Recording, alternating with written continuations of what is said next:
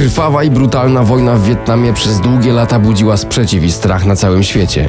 W dzisiejszej misji specjalnej przybliżymy jeden z najbardziej wstrząsających momentów tego konfliktu. W kwietniu 75 roku wojska komunistycznego Wietnamu Północnego były o krok od końcowego zwycięstwa nad swym południowym rywalem i nad Stanami Zjednoczonymi. Do wzięcia pozostało jeszcze tylko jedno miejsce niezdobyty Saigon. Oto dzisiejsza misja specjalna. In April of 75, North Vietnamese troops approached the southern capital of Saigon. Wiosną roku 1975 w Indochinach działy się rzeczy dziwne i zatrważające. Trwająca czwartą dekadę wojna w Wietnamie wydawała się wkraczać w nową fazę. Amerykańskie wojska i proamerykańska armia południowego Wietnamu chyliły się ku totalnej porażce.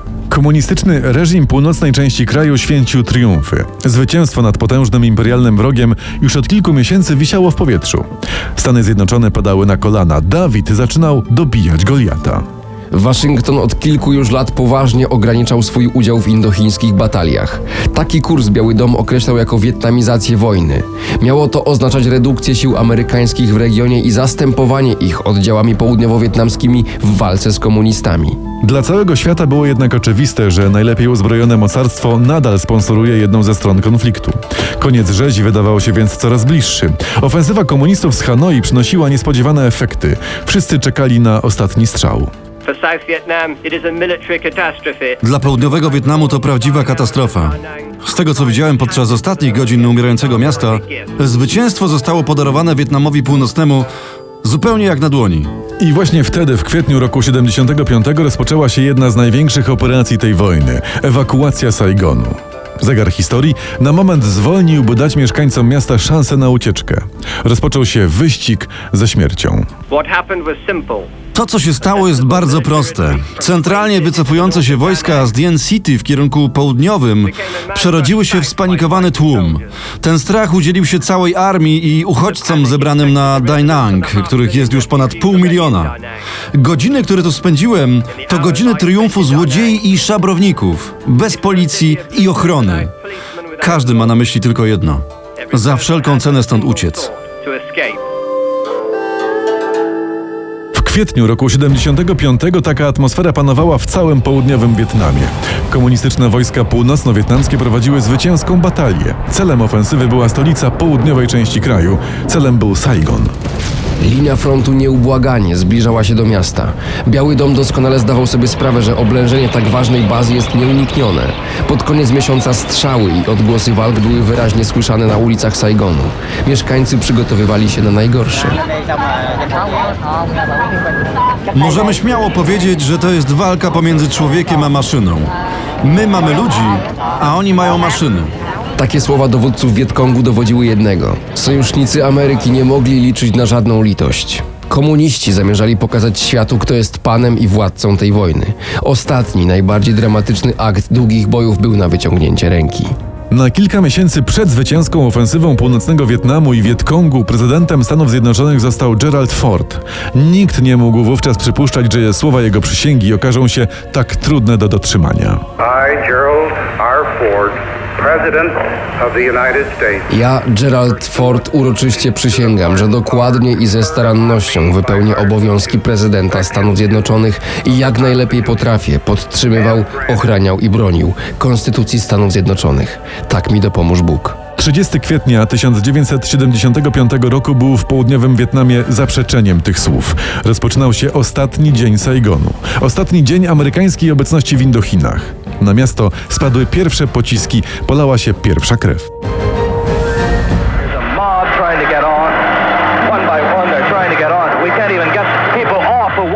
To jest masowa ucieczka. Każdy chce uciec, jeden po drugim. Może ludzi, może ludzi. Nie można zatrzymać tego tłumu. Odlatujemy, wznosimy się w powietrze. Dla nich nie ma już ratunku. Zostawiamy ich. Ludzie spadają ze schodów lotniczych. Oni biegną za nami. They're.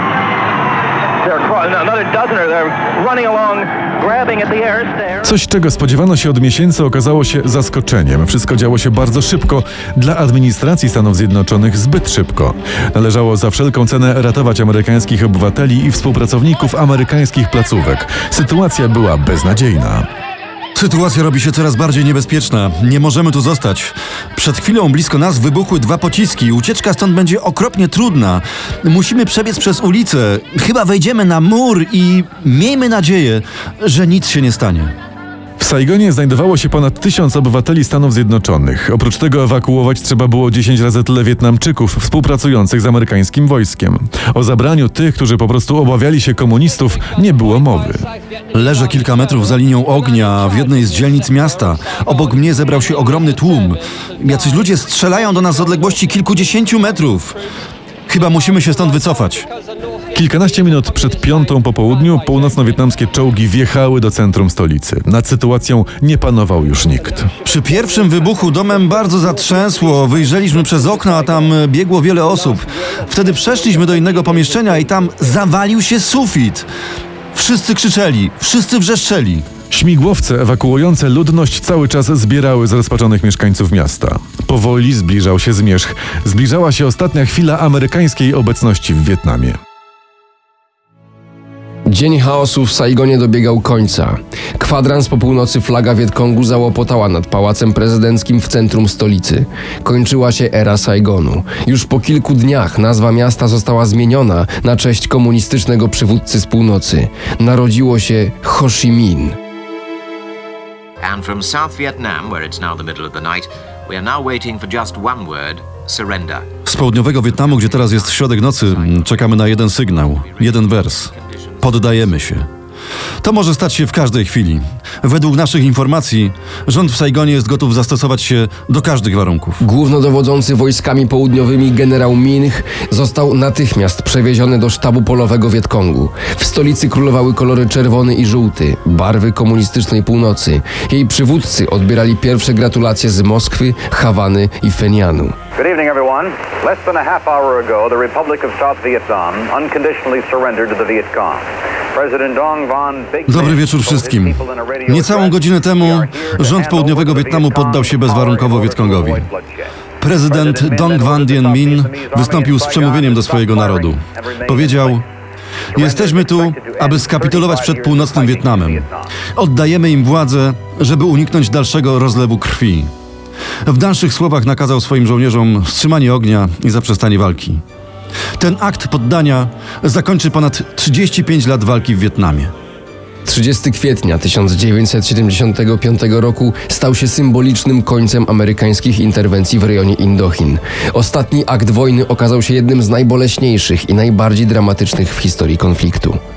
Obywatele supermocarstwa musieli uciekać przed partyzantką jednego z najbiedniejszych państw świata. Kończyła się pewna epoka, rozpoczynał się nowy rozdział w historii świata. Rany w amerykańskich sercach miał zaleczyć nowy prezydent Jimmy Carter. Zrobię wszystko, co w mojej mocy, aby podczas tego przejściowego okresu poczuć, co znaczy być dobrym prezydentem. Przez ostatnie miesiące nauczyłem się tak wiele, jak tylko człowiek może się nauczyć. O tym, kim jesteśmy, kim zwykliśmy być i kim możemy być. I wiem, że przez najbliższe cztery lata będziemy zjednoczeni i nie popełnimy starych błędów. Odpowiemy na trudne pytania i poprawimy nastrój tego narodu. Pechowego ostatniego dnia kwietnia roku 75 z Saigonu ewakuowano tysiąc Amerykanów i ponad 5 tysięcy Wietnamczyków. Miasto wyglądało jak po trzęsieniu ziemi. Na ulicach pojawiły się napisy Wracajcie do siebie. Nie było tylko jasne, kto był ich adresatem. Znienawidzeni Jankesi czy jeszcze bardziej przerażający komuniści. Oczywiste było tylko jedno. Nie napisali ich Saigończycy. Ci odeszli razem ze swoim miastem. Wydarzenia z Saigonu z wiosny 75 roku były ostatecznym ciosem dla demokratycznych władz południowego Wietnamu.